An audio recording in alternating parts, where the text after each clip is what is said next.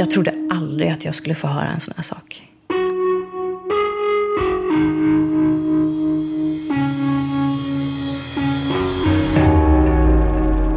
Det dröjer över två år innan fallet med den försvunne miljonären Göran Lundblad får sin upplösning.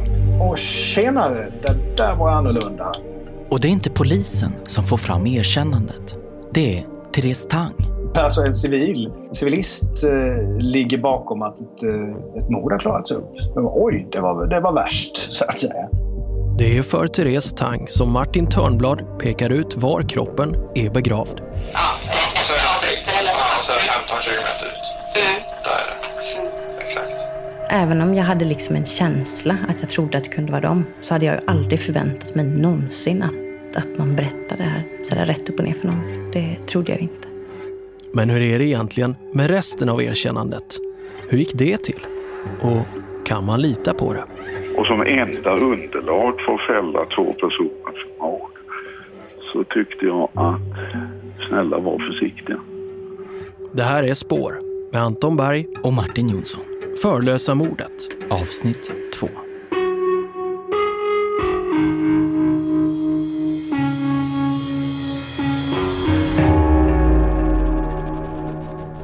Polisen har inte gjort några fynd i jakten på, på spår om det misstänkta mordet utanför Kalmar.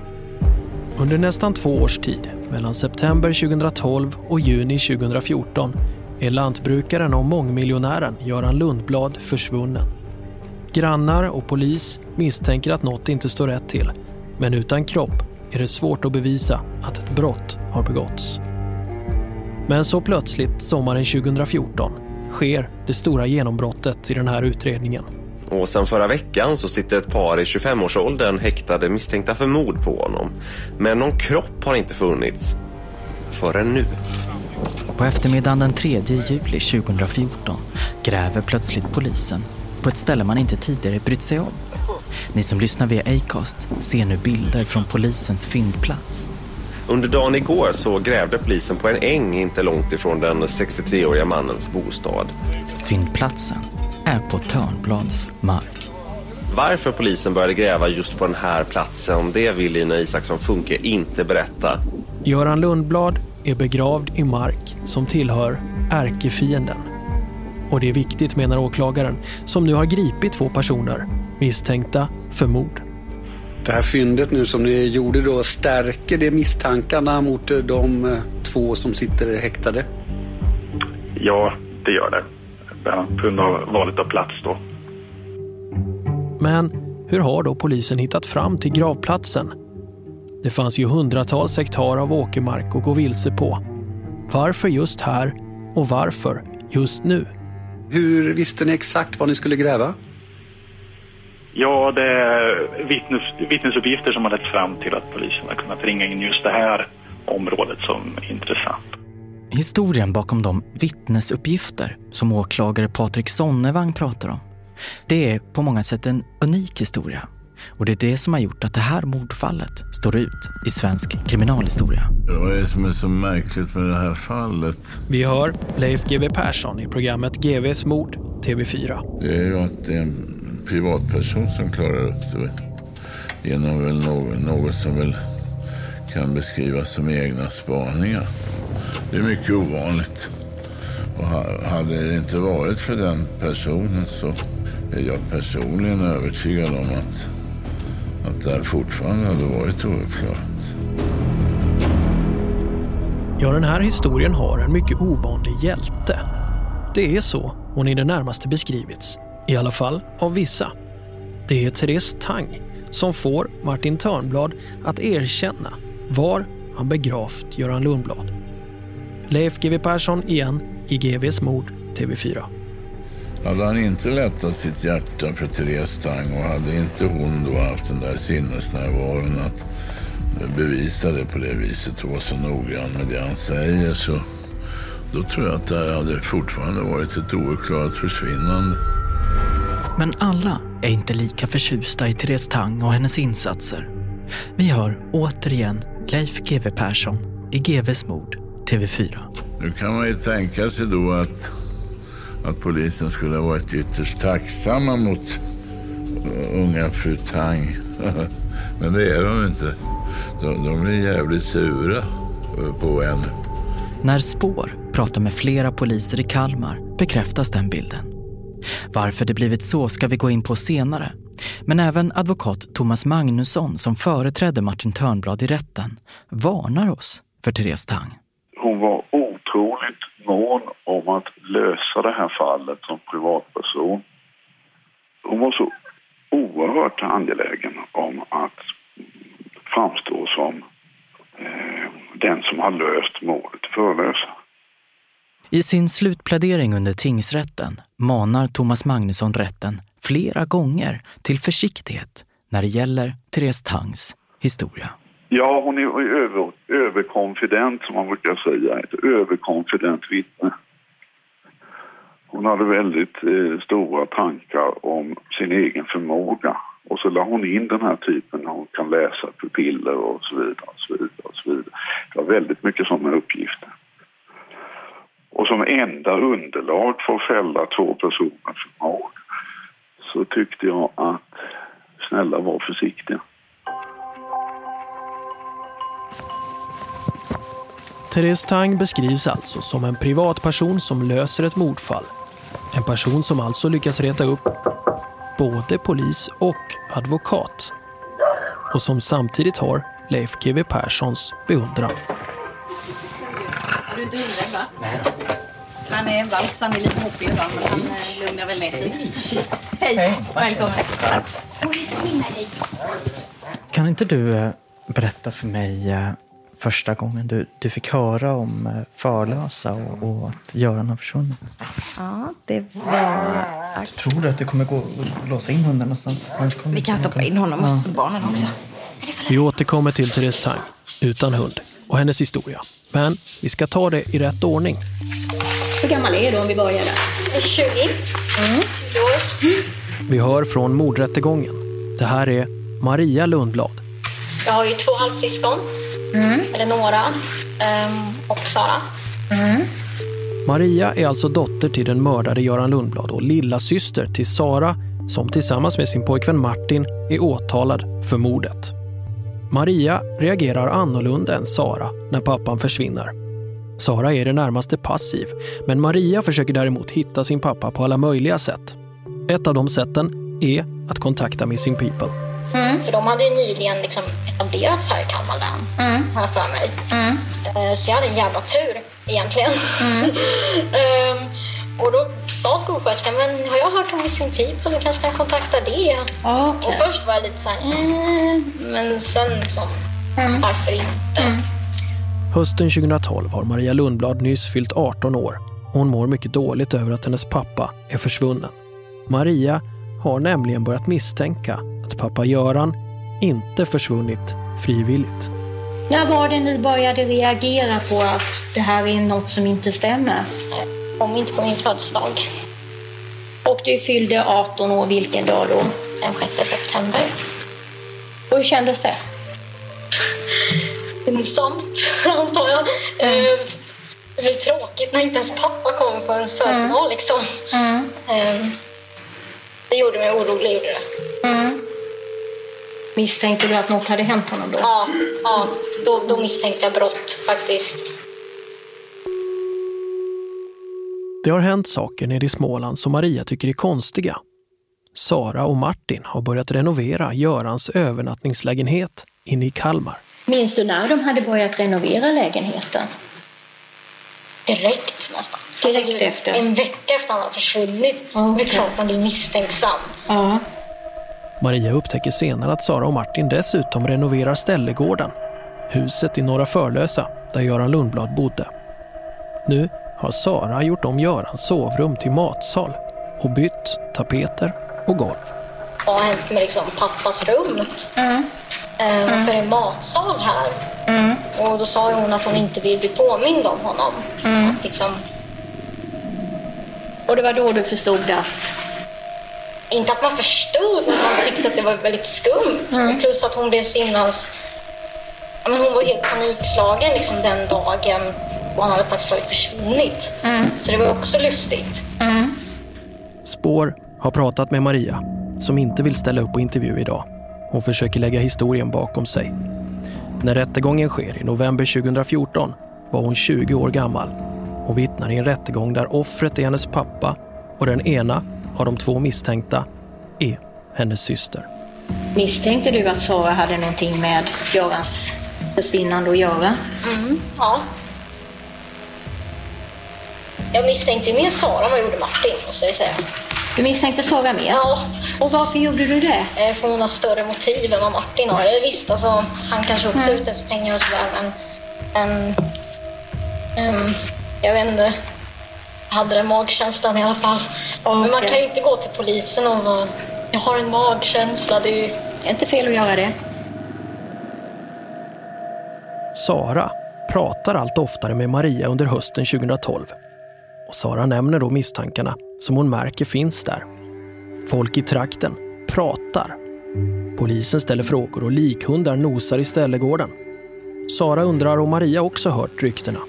Jag liksom låtsats som att inte jag vet att någonting om de här ryktena liksom. Mm. Men jag har vetat ganska mycket utan att säga något. Mm. Ehm, För jag har varit lite rädd faktiskt. Så istället för att prata med sin syster gör Maria som skolsystern föreslog. Hon kontaktar någon som hon hoppas ska göra ett bättre jobb än hennes egen syster. Missing People. Var det du som kontaktade dem? Det var det. Mm. Eh, återigen fick jag skit för det. Ja, vem, Eh, vem fick du skit av? eh, Sara. Ja, fan vilken utskällning jag fick eh, för att jag gjorde det. Mm. Jag berättade inte för henne att jag hade gjort det för jag tänkte liksom, ja vi måste hitta honom. Mm. Eh, Så jag bara skrev en kort beskrivning eh, och skickade in en bild. Kommer du ihåg när du gjorde det? Nej, jag minns inte när jag gjorde det. Anmälan inkommer den 17 oktober 2012 till Missing People som precis startat sin lokalavdelning i Kalmar. Och där är Therese Tang operativ chef. Vi, vi var precis i uppstart. Vi hade ju liksom inte ens riktigt landat i rollen. Hur gör man när man letar efter en försvunnen person? Vi, vi var ju mitt uppe i att utbilda oss egentligen. Det är en kollega till Therese som tar emot Marias anmälan. Och innebörden är tydlig. Hon säger att jag behöver hjälp, jag hittar inte min pappa. Eh, Jag vet inte vad som har hänt, han har bara gått upp i rök. Kollegan följer sedan Missing Peoples standardprocedur. Det betyder att han måste få bekräftat från minst en anhörig till att personen verkligen är försvunnen. Och den andra anhöriga man ringer upp är då Sara. Eh, som då förklarar att nej, nej, det är ingen idé att leta efter honom. Vi behöver inte, vi behöver inte bry oss om det. Han kommer nog snart. Han, eh, han är nog på ett vilohem i Italien. Okej. Eh, inte alls orolig och inte alls intresserad överhuvudtaget. Eh, Det här förbryllar Therese Tang och hennes kollegor. De två döttrarna verkar ta pappa Görans försvinnande på helt olika allvar. Alltså det här är ju vårt första fall, så att man vet ju inte hur anhöriga ska vara eller hur de ska bete sig. Men jag vet att vi allihopa hajade till över att vi tyckte att hon betedde sig väldigt märkligt i telefon. Att nej, men hon ville ju inte ha någon hjälp. Ja, men det är inte jag som har ringt er, det är syrran som vill göra. Jag bryr mig inte. Han är väl på ett Vinohem. eller någonting. Han kommer väl tillbaka. Hon var ganska barsk i tonen beskrev han och, och inte, ja, inte alls sådär på hugget. Mer än att ja, ja, leta ni då om ni vill. Eh, Så så det, det vet jag att det hade vi liksom en liten anteckning om att, att hon var märklig. Liksom. Missing People ordnar med skriftligt tillstånd från markägarna och förbereder en skallgång i Funkabo. Det är området där Göran Lundblad har sin lägenhet i Kalmar. Där finns nämligen sista spåret av den försvunna miljonären. Hans ena bil, en Chrysler, stod parkerad i närheten. Man använder sig av terränggående fyrhjulingar och trots att lokalavdelningen är nystartad är det många människor som vill hjälpa till att leta efter Göran Lundblad. Ja, vi var väl en runt i sjö- 75 personer någonstans som ställde upp. Så det var ganska stort eh, får man väl ändå säga. Med tanke på att det var vårt första sök, att det var så mycket personer som kom och ställde upp då. Det blev inga fynd i jakten på den försvunna 63-åriga mannen i Kalmar när organisationen Missing People sökte efter honom igår. 72 personer deltog i sökandet som började på förmiddagen och slutade när mörkret kom. Nej, första söket Missing People gör resulterar inte i några spår efter Göran Lundblad. Man kan väl säga att vårt motto eh, i organisationen där, det var att man ger aldrig upp. Man slutar inte leta. Familjen ska få känna att, eh, att vi finns där. Det har hunnit bli november 2013. Göran Lundblad har nu varit försvunnen i drygt 14 månader. Men snön har redan börjat lägga sig på åkrarna i Norra Förlösa.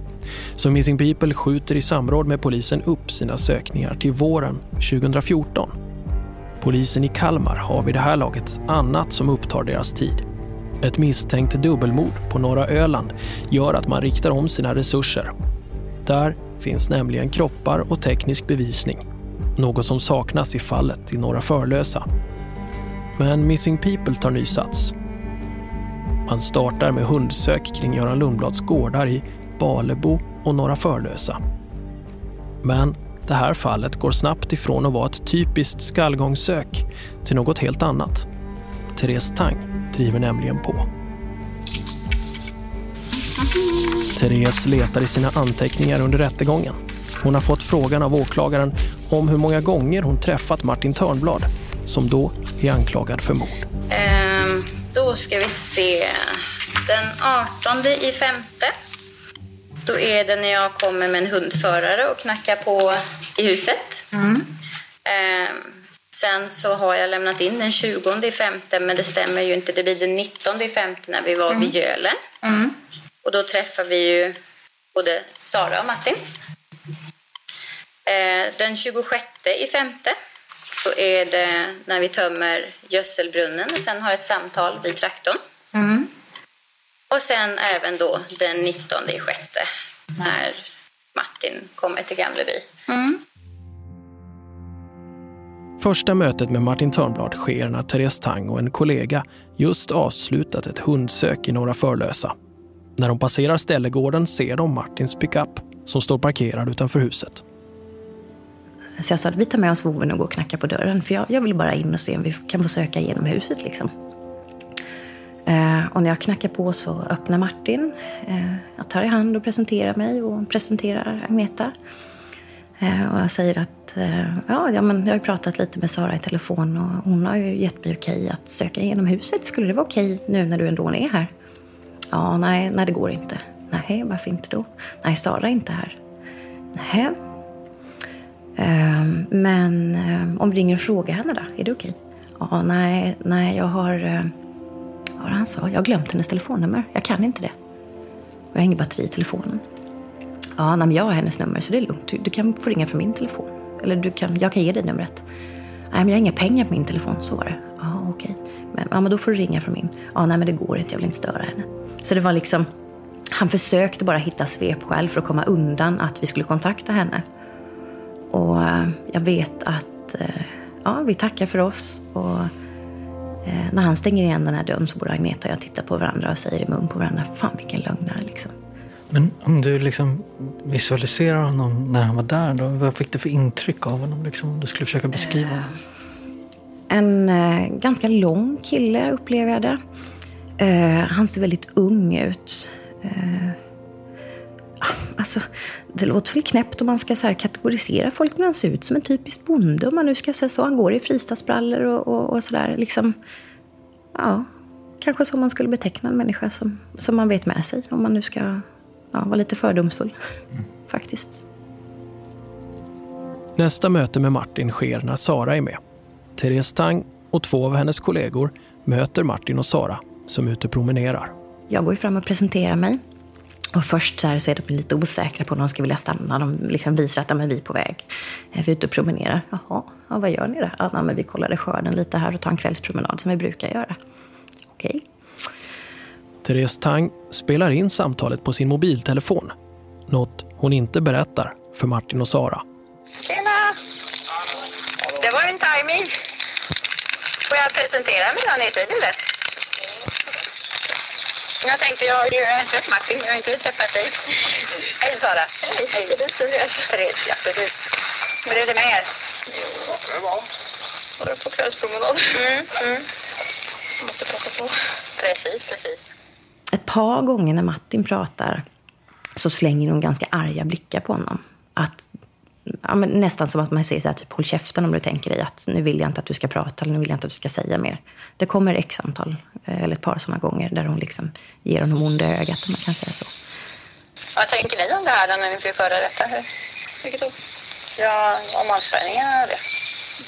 Vilka Jag har inte sett några avspärrningar. Det står ju i media precis överallt att polisen är och letar och det eftersom vi hittade ju eh, ett område. Mm. Så att, ja det finns ju flera höll jag på att säga, som är intressanta här nu. Okej. Okay. Mm. Ni visste inte ens om det? Nej. Nej. Håller ni inte uppdaterade nätet? Ni är ju för fan ungdomar. Vi har ingen tidning och vi är knappt ute på nätet heller tycker jag. Jaha. Lillsyrran däremot, hon är väldigt så här... Mm. Så hon brukar alltid höra av sig till mig sen. Mm. Men det kan ju ta en eller två veckor liksom senare. då kan jag få reda på saker och ting. Okej, ja, ja, där ser man. Men, men då står du ändå och tänker att det här är de som polisen misstänker har gjort det? Ja, ja. Alltså det är två personer som, eh, som sticker ut från resten av byn om man säger så. Eh, de, alltså, då har det ju gått ett par år, eller två år, eh, från det här med 2012. Då har jag plockat på mig lite erfarenhet också mm, och haft x antal andra människor som har varit försvunna. Och jag kan säga så här, det finns inte ett fall som jag har varit med om när en anhörig inte varit intresserad av att leta. Snarare tvärtom. De vänder och vrider på varenda sten. De är uppe dygnet runt. De äter inte, de sover inte. De tar ledigt från jobbet. Man gör allt. Men det gjorde inte de? Men det gjorde inte de. Snarare tvärtom. Martin och Sara pratar hellre om ett brev som de fått. Ett mycket märkligt formulerat hot. Eh, brevet där som, som du fick, har du gjort en anmälan på det? Mm. Men hotbrev? Mm. Du har fått flera till och med? Nej, men det är hotbrevet. Jaha, okej. Okay, ja. ja, nej, för när man läste det... Då var det ja, de vill inte ta på allvar längre. Asså. Tycker inte vi. Hur länge sedan är det? Ja, men det var ju nu i dagarna väl, va? Var det Nej, inte nu i dagarna vi har fått det. Det är ju... Hade vi vägmötet till den här vägen, då var vi ju här inne. På vägmötet som grannarna har haft, man ansvarar alltså gemensamt för byns vägar, dyker brevet upp. Och då läste Åke upp ett brev och, och vi förstod ingenting. Britt-Marie Einarsson var en av grannarna som lyssnade på Martins pappa Åke. Har du fått det i din brevlåda, sa jag till Åke. Nej, de har fått det på Ställegården, sa han då. Flera grannar har sparat kopior av brevet. Här har ni ett exemplar, ja. Ja. Jag har sparat det. Brevet handlar om Britt-Marie Einarssons sambo, Mats Råberg. Han arrenderar mark av Göran Lundblad. Mark som Törnblads vill åt. Enligt Martin har Mats Råberg utsatt honom och Sara för hot och skadegörelse. Det här brevet ska bevisa detta. Nu är det följande som gäller. Råberg ska få ett flerårigt kontrakt. Råberg har inte skyldighet att fixa följande skador på samtliga byggnader. Grannsämjan ber om att få slippa höra allt som hittas på om Göran Lundblads arrendator och tidigare gode män. Grannsämjan tycker heller inte att Sara och Martin ska få bo kvar och nyttja övriga saker som innefattar Göran Lundblads egendomar. Om inte detta uppfylls kommer konsekvenser. Eran son Vins kommer att råka ut för samma sak som Göran. Punkt, punkt, punkt. Grannsämjan kommer att utsätta er för samma saker som Råberg fått utstå. Eh, det här vill jag bara säga att ni inte kommer att få en lugn stund så vårt råd är att flytta omgående. Jag var, lite, jag var så överrumplad så jag kunde liksom inte... Jag förstod inte riktigt vad Åke läste. Men man blir ju lite skakig sådär då. så tänkte man vad är det här för någonting och vem har skrivit det? Så att... Eh, så det kändes ju obehagligt. Och så var det någon mer som sa någonting om att det var ju lustigt och sådär. Ja. Och sen blev det inte mer tal om det. Så Åke vek ihop det igen och stoppade det i bakfickan. Och sen så fikade vi och sådär. Jag, jag satt vid samma bord som både Åke och Martin och Mikael och ihop med en annan kvinna till. Då, så att, men det var inget. Då pratade de inte mer om brevet. Therese Tang känner till hotbrevet. Om hon vetat vem som egentligen skrivit det hade hon kanske tänkt sig för en extra gång. Men faktum är att Therese Tang ändå vet tillräckligt om Martin och Sara för att misstänka att det är de som mördat den försvunne Göran Lundblad. Ändå kommer hon under slutet av maj och fram till midsommar 2014 att intensifiera sin kontakt med framförallt Martin Törnblad. En person som, ovanpå misstankarna om mordet, dessutom är omvittnat brutal mot djur. Kan du beskriva lite hur han betedde sig mot djuren? Ja, som eh, när kalven exempelvis inte ville dricka så kunde han slå dem med ett nappspann i huvudet. Mm. En av de anställda på Törnblads gård vittnar om förhållandena och hur Martin behandlar djuren. En annan incident var när han tog eh, stålhättan och slog ihjäl två kalvar med. När de inte ville dricka. Och det ska komma fler vittnesmål som bekräftar den här våldsamma och empatilösa sidan hos Martin. Här hörs en annan för detta anställd som slutade på Törnblads gård för att hon inte stod ut med hur djuren behandlades. Värst var Martin med kalvarna. Vid ett tillfälle så hade vi en eh, kviga som kalvade. Och sen fick hon eh, sån här psykosliknande grej och var ju inte snäll mot kalven. Jag sa till Martin att han fick ta bort kalven. Och Så jag hjälpte honom att flytta ut den. Och gick tillbaka och stängde in i boxen då. Och när jag tittade tillbaka igen då eh, ser jag han tar läggan. Sen han liksom styr upp den och då vänder jag mig om och Eller. Så han slog helt enkelt ihjäl kalven Ja. med en slägga? Ja.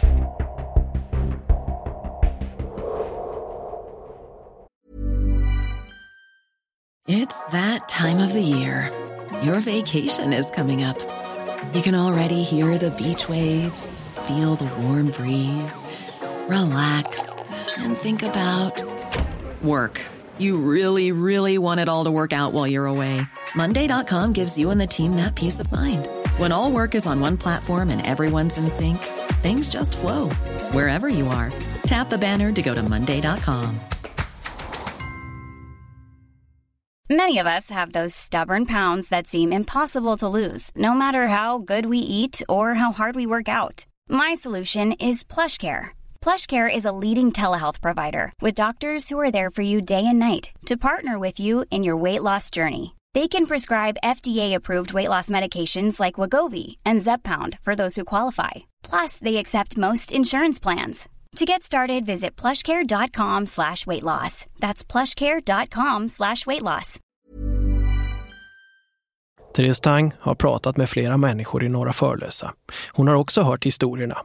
Ändå fortsätter hon träffa, prata och ifrågasätta Martin. Vad är hon för slags människa? Hur vågar hon? Vad driver Therese Tang? Hon är ju i allra högsta grad annorlunda. Hon är inte vem som helst. Kriminaljournalisten Joakim Palmqvist har ett svar på frågan. Han har jobbat ihop med Therese Tang i sitt arbete med boken Hur man löser ett spaningsmord. Hon har ett driv, hon har ett sinne för detaljer, hon har ett gott minne, eh, hon är fokuserad på, eh, på problemlösning eller vad man nu ska säga. Eh, och där gjorde jag väl inledningsvis när jag pratade med henne reflektionen att det här var nog rätt person att vara i just den situationen. Jag tror att det är få andra som hade kunnat, eh, kunnat eh, locka ur eh, Martin Törnblad de, de uppgifterna som hon gjorde. Nu är det ju svårt för dig eftersom ni har skrivit en bok ihop och vara helt objektiv. Men om jag säger så här, är hon, hur många delar i henne är, är modig och hur många, mång, hur många delar är dum? det är ju jag som har skrivit boken såklart, men på hennes, eh, men, men, och som har efter intervjuer med henne och på de uppgifter hon lämnar, så synvinkeln är ju hennes. Med det sagt så, jag menar det finns nog en, i varje envis människa finns det nog en, en dumskalle. Jag är ju till exempel personligen jättekorkad i vissa sammanhang för jag, eh, vissa saker är jag väldigt envis med. Och sånt tror jag hon också är. Det måste finnas en, kanske en blindhet för egen säkerhet i vissa sammanhang. En blindhet för en gränslöshet om du så vill på ett positivt sätt för att kunna lösa något sånt här. Det är klart att man är nyfiken. Det är klart att det har startat liksom en snurra i huvudet vad, vad det kan vara. Och, alltså jag har ju min magkänsla till något som inte stämmer. Det är väl den som har drivit mig hela tiden i det här. Liksom att, um, vad ska man säga? Ta reda på mer. Liksom. Vad, kan, vad kan jag få veta? I juni 2014 börjar Martin aktivt söka kontakt med Therese Tang. Från att det är Therese som sökt upp Martin och Sara och ställt frågor börjar nu rollerna skifta. Frågan är nu vem som egentligen har initiativet. Vem är nyfiken på vem? Natten mot den 18 juni skickar plötsligt Martin ett sms till Therese. Jag får ju jag får ett sms där han skriver att han har någonting att berätta för mig och han vill att, att det ska stanna oss emellan. jag inser att det här, det här vill jag spela in. Så att jag, jag har en annan telefon och pratar med honom på högtalare då och så spelar jag in samtalet. Tjena, det var Therese. Ja, lite är jag. har faktiskt eh, hävt i mig ett glas vin, så jag, eller två, så jag mår rätt bra faktiskt. Det här ska bli ett mycket märkligt samtal som börjar strax efter midnatt och pågår i över fyra timmar. Therese ljuger om att hon druckit vin. Hon vill att Martin ska sänka garden. Hon låter honom prata på om hur mycket han har tänkt på henne. Jag känner mig pinsam. Du känner dig pinsam. Vad är det? Förklara för mig så jag förstår. Jag hänger inte riktigt med i... Nej, du gör inte det va? Nej, jag gör inte det. Nej, jag bara... Jag kan inte... Jag, som jag skrev innan, jag kan inte bara... Ja.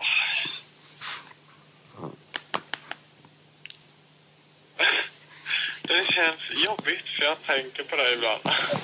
Du tänker på mig ibland. Ja, exakt. Mhm. Nu känns det lika hårt som när du är polis. Ja, men det vet jag att det är ju inte riktigt. Jag försöker mer bara förstå dig. Du skriver som en polis. Du beter dig som en polis. Du vet inte hur mycket jag hatar polis egentligen.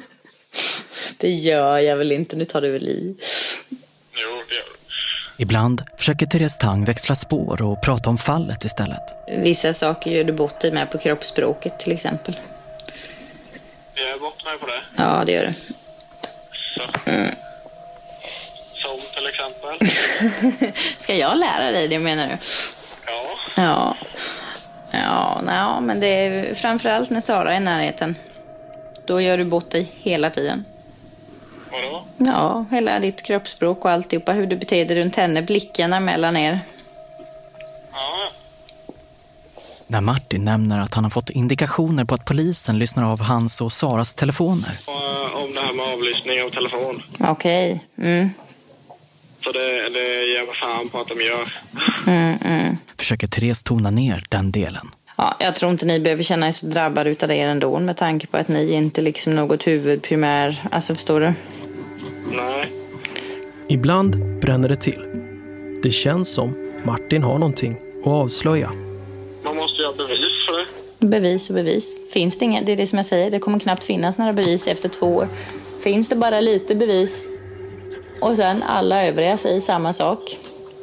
Du menar Göran? Ja. Men, ja, men då måste han ju hittas Mm. först och främst. Mm.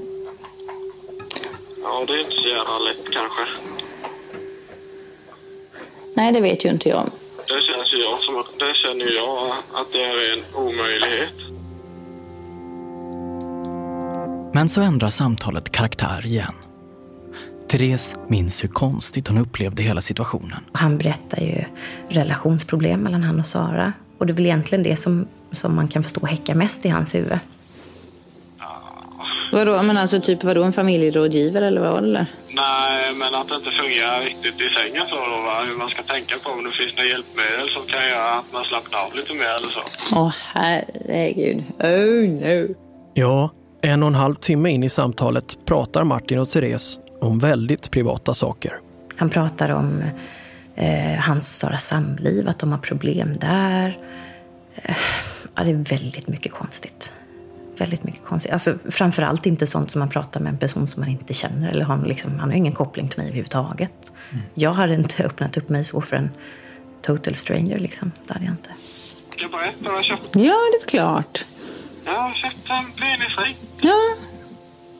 Sen har jag inte fattat riktigt vad den gör riktigt för den. Men... De är rätt kass. Va? De är rätt kass.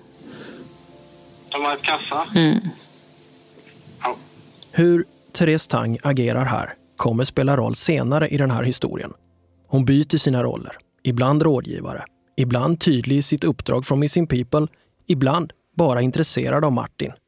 Ibland väldigt frispråkig.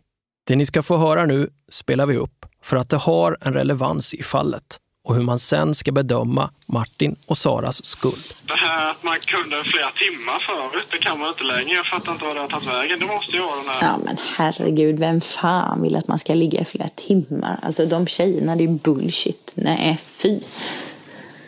Fy. Nej, men bara ligga och nöta, det är ju för fan bara skavsår. Går hon över gränsen? Vilka gränser finns det ens? Två privatpersoner får ju prata om vad som helst. Kanske är det ju just här hon skapar förtroendet som sen leder fram till att den här historien får en lösning. Man ska ha riktigt förspel och lite här och lite Harstad. Jo, fast är det inte bara då jobbigt att bara ha jävla überboner mitt uppe i alltihopa som är i vägen konstant hela tiden? I själva verket så eh, vill du inte annat än att bara stoppa in den och ge järnet liksom. Ja, då, ja, du menar så, ja. Mm.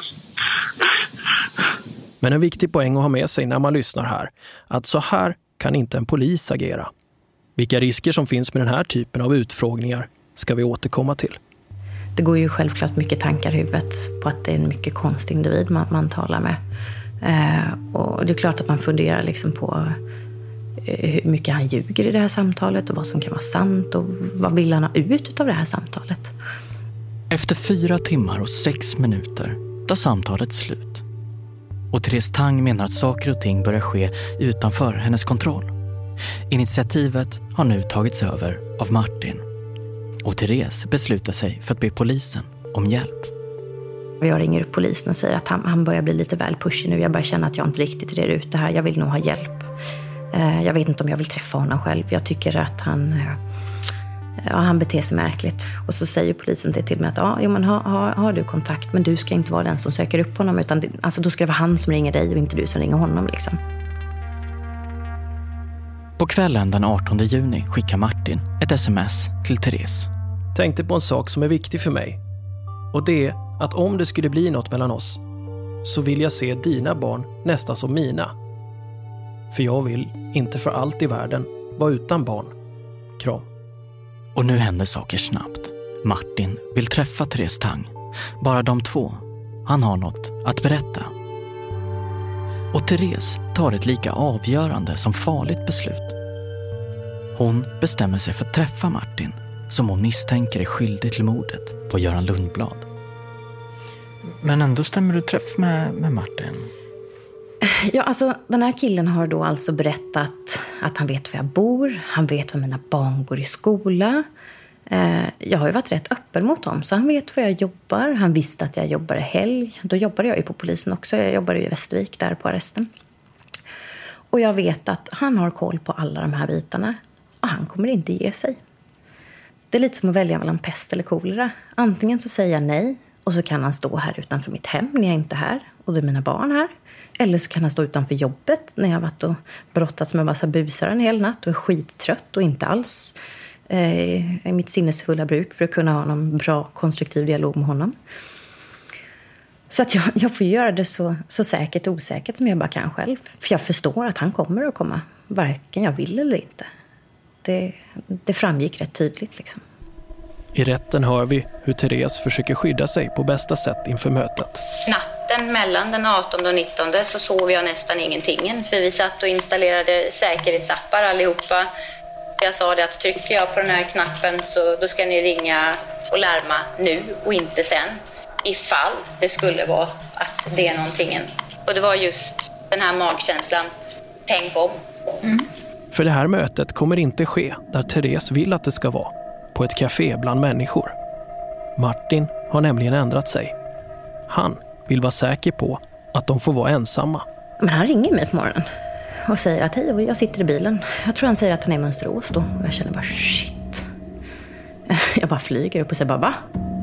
Therese befinner sig i sin kollega Anders hus i Gamleby nära Västervik där Therese arbetar som arrestvakt. Alltså jag kör som en runda. Alltså träffa honom i Andes hus, det är liksom det sämsta huset att träffa någon i. Andes är elitskytt, han är elitklättrare. Alltså hela hans hus är en godisask med farliga grejer. Strax efter halv åtta på morgonen, torsdag den 19 juni, dagen före midsommar 2014, svänger Martin in med sin mammas Saab 95 på uppfarten till huset. Han kör upp på den här uppfarten. Och jag vet, jag står och smyger i ett fönster liksom för att se vad gör han inne i bilen, hur beter han sig? Och han fäller ner det här solskyddet eh, och tar upp spegeln och fixar till kalufsen. Och jag ser att han är nervös. Och någonstans där då så känner jag bara yes, jag har ett övertag. För jag, ja, men en människa som är nervös. Eh, alltså, hade han kommit dit och varit jättekaxig och jättetuff, då kanske jag hade blivit nervös istället. Men när jag ser att han är nervös, då känner jag att då kan jag vara, då kan jag vara den starka. Liksom. Så jag öppnar upp dörren, bränner av ett leende och säger ja, tjena, var det svårt att hitta? Ja, nej, det gick bra. Ja, välkommen in.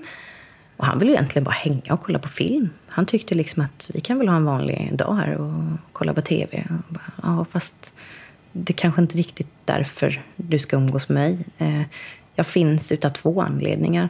Och det är antingen för att vara ett anhörigstöd, för att man vill prata om det som är jobbigt. Alternativt om man liksom har något informativt att ge mig. Det, det är liksom de två alternativen som, som jag finns för dig. Men här har han väl också sagt att han är intresserad av dig? Nej, alltså han har väl aldrig sagt att han är intresserad. Alltså han har ju gett hintar hela tiden. Har han gjort. Jag, jag ska inte säga att han har sagt rätt ut att jag är intresserad av dig. Han har ju varit småflörtig, det har han varit, absolut. Mm. Um, men om jag har tagit det på allvar? Nej, det har jag nog inte gjort. Senare under det här laddade mötet ska Therese slå på inspelningsfunktionen på sin mobil. Men nu, i början, sker samtalet bara mellan henne, Therese, en lokal Missing People-chef och arrestvakt, och så Martin, en 24-årig kille som hon misstänker mördat Göran Lundblad. Det, det kommer väl till det läget att, eh, att jag mer eller mindre synar en bluff ifrån honom. Uh, han berättar att han har varit uppe i Stigtomta och misshandlat den här nya killen då som Sara har träffat. Förhållandet mellan Sara och Martin håller på att ta slut. Sara har åkt till sin pappas andra gård, Stigtomta, utanför Nyköping. Och där har hon träffat en annan kille. Och då berättar han att det gick rätt vilt till och att, att den här killen är, är rätt ordentligt sönderslagen då. Jaha, sa jag. Och i samma veva så tittar jag på hans hand. Och jag ser inga märken där. Du, så jag, du berättar för mig att bara för en dag sedan så har du varit uppe och grovt misshandlat en kille. Varför finns det inte ett spår på dina händer utav det? För om det har gått så allvarligt till som du säger, då skulle det synas på dina händer. Och då vet jag att då tar han upp och så visar han så här. Han hittar liksom en liten blämma någonstans på fingret som skulle kunna vara att du gör så här och får ett litet hack liksom. Nej, säger jag, det där funkar inte. Du ljuger, säger jag. Och så sa jag, du har ljugit för mig förr. Ja, vad menar du då? Ja, men jag vet att du har ljugit för mig. Och det har jag ingen aning om. Utan det är bara den känslan jag har haft. Men jag, jag testade honom. Och då sa jag, du vet den här gången eh, eh då jag var med hundföraren och knackade på i ditt hus första gången vi träffades. Och du sa att Sara inte var hemma. Men det var hon också, eller hur? sa jag. Hur vet du det? sa Ja, så hon var det va? Mm. Ja, det var hon. Vad var hon då? Ja, hon satt på ovanvåningen och höll munnen för vind så inte han skulle föra en oväsen där uppe så att ni skulle höra. Ja, nej, det ser jag. Hur kan du läsa mig så väl, Therese? Hur kan du, hur kan du se när jag ljuger? Och jag bara löpte linan ut dem. Jag bara kan det. Så jag, eh, jag bara kan läsa när folk ljuger. Och, och mm, du kan inte lura mig. På samma sätt som att jag vet att du har någonting med Görans försvinnande att göra. Det tror jag. Så jag känner mig rätt säker på det. Och då börjar han så skruva och vända och vrida på sig och se så här obekväm. Man ser liksom att, att det blir liksom små svettpärlor i pannan. Och kanske är dags att du berättar för mig vad som har hänt egentligen. Och det här, det är som att trycka på en knapp på honom. Alltså, allt börjar öppna upp sig och, och det här, det bara forsar ur honom. Och det kommer ju in i minsta detalj. Och det är inte att han berättar in i minsta detalj rätt upp och ner, utan jag ställer mycket följdfrågor. Varför då? Hur tänkte ni då? Vad hände då? Vem gjorde det här? Varför? Enligt Therese Tang erkänner Martin Törnblad där och då för henne att det är han som mördat Göran Lundblad genom att skjuta ihjäl den 62-årige mannen tidigt en morgon med en hagelbössa. Och han berättar ju han berättar ju väldigt detaljrikt. Som när han berättar precis vid skottögonblicket hur, hur han liksom då ser hur det här ögat ploppar ut och blir nästan tre gånger så stort. Hur, eh, rummet fylls av eh, en, en stank av avföring och urin. Och det är muskelavslappningen i kroppen som gör att det kommer vid skottögonblicket. Martin ska också påstått att Sara var med och planerat mordet. Låste upp dörren till ställegården så att Martin kunde komma in och sen också hjälpt honom gömma sin pappas kropp. Eh, Sara ville absolut inte se det här så att han, eh, eh, han sa åt henne att hon skulle gå och sätta sig i trappen och eh, vänta. Och sen när han väl var skjuten så skickade han iväg henne och hämtade ena pressändningen och det här eh, blåa plastrepet. Mm, så att eh, hon skulle slippa se honom då. Eh, sen så berättar han ju då hur man forslar ner den här kroppen ner för källartrappen eh, där pickuppen sen då stod eh, inkörd för att lyfta upp. Men att han, han orkar inte lyfta upp Göran själv. Han beskriver hur det pissar blod nere i källaren. liksom, ja, han tyckte det var obehagligt. Uh, han beskriver hur... Uh, att upp, uh, han beskriver en ganska dramatisk scen mellan honom och Sara där. Där hon vägrar att lyfta upp Göran. Och då blir han förbannad och skriker på henne att eh, eh, om inte du hjälper mig nu så kommer jag ringa polisen och berätta alltihop. Eller så kommer jag skjuta mig själv, så kan du stå här. Eh, så han tvingar ju henne att hjälpa honom med detta då. och, och lyfta upp henne då. Eller honom på pickupen. då. Samtidigt som hon mer eller mindre bröt ihop i samma veva.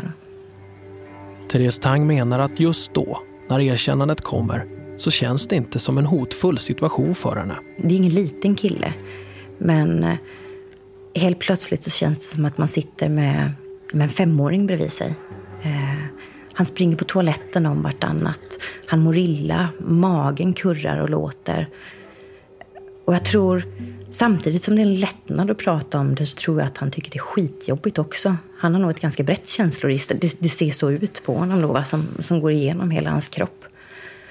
Eh, jag är inte rädd. Nej, det är jag inte.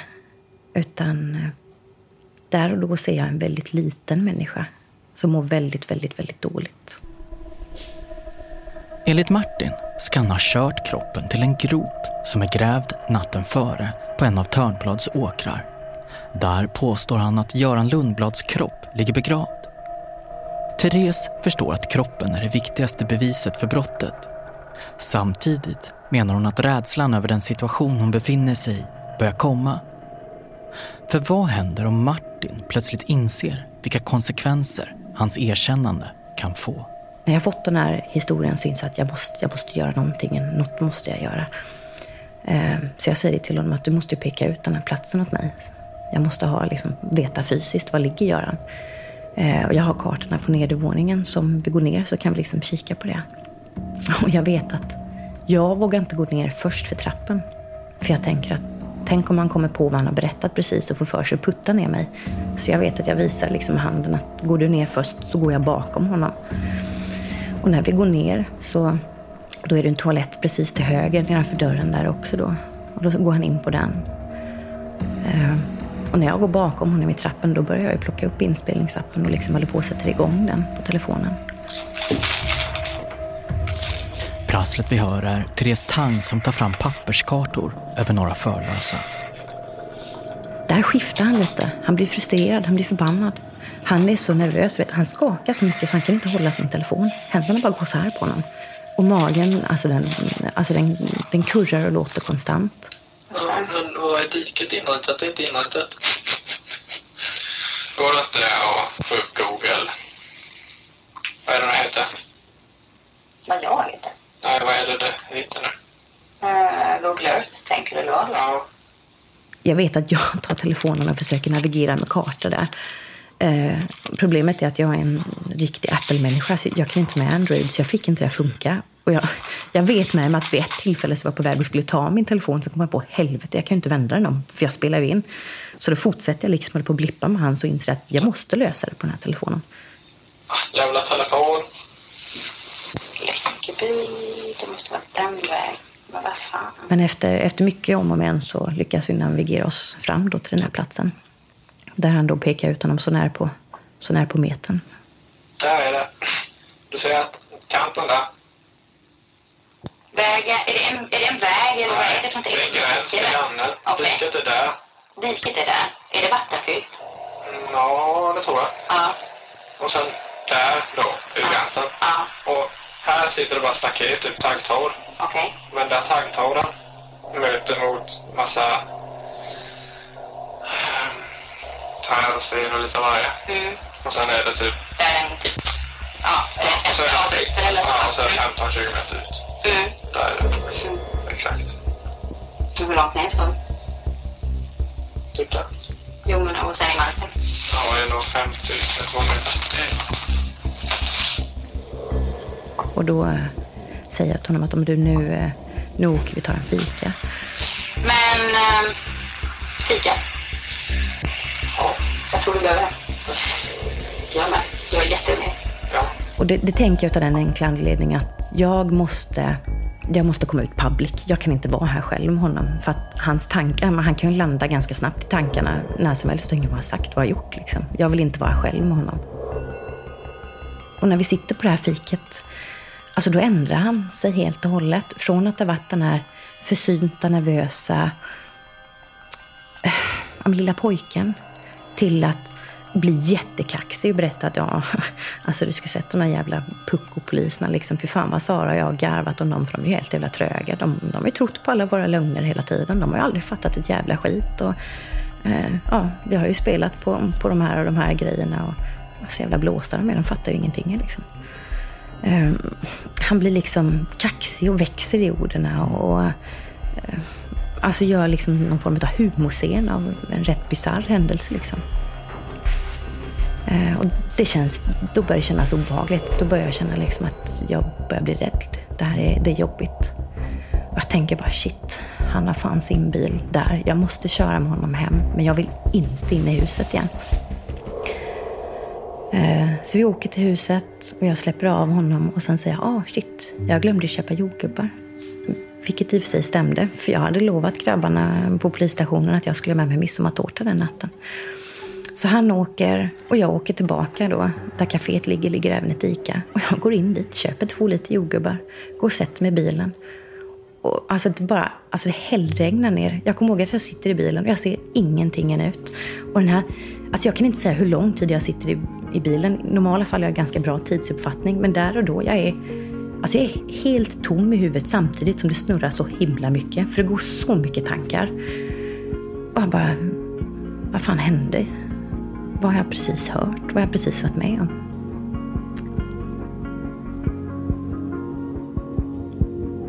För Therese är historien långt ifrån slut här.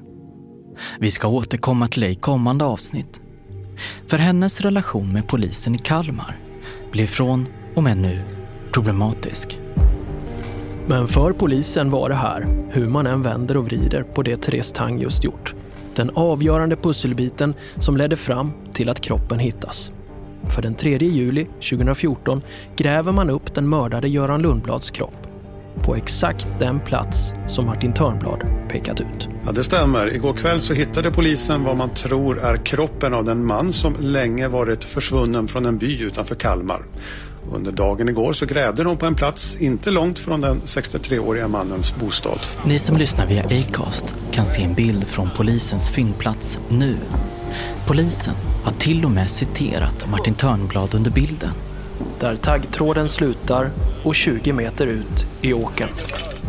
Det var en ganska specifik eh, plats ni grävde på. Hur visste ni exakt vad ni skulle gräva?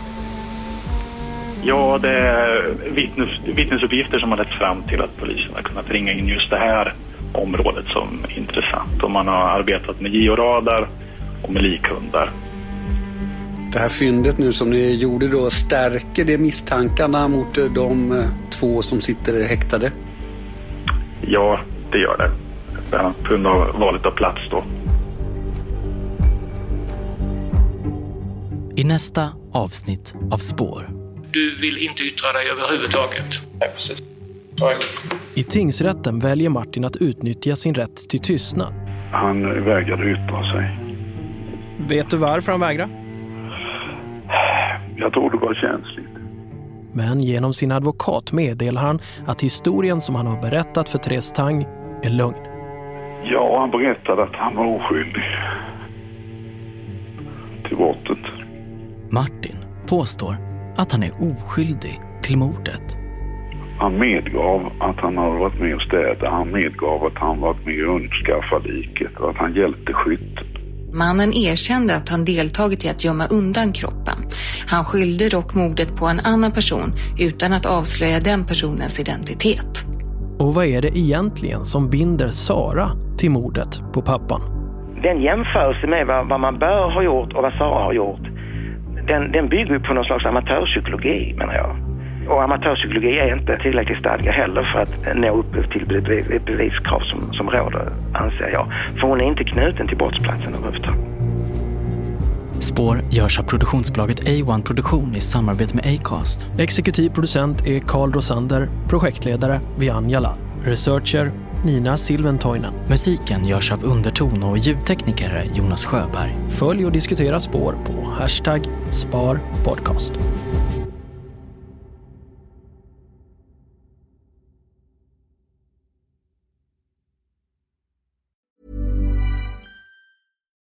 When you need mealtime inspiration, it's worth shopping Kroger, where you'll find over 30,000 mouthwatering choices that excite your inner foodie. And no matter what tasty choice you make, you'll enjoy our everyday low prices, plus extra ways to save, like digital coupons worth over $600 each week. You can also save up to $1 off per gallon at the pump with fuel points. More savings and more inspiring flavors make shopping Kroger worth it every time. Kroger, fresh for everyone. Fuel restrictions apply.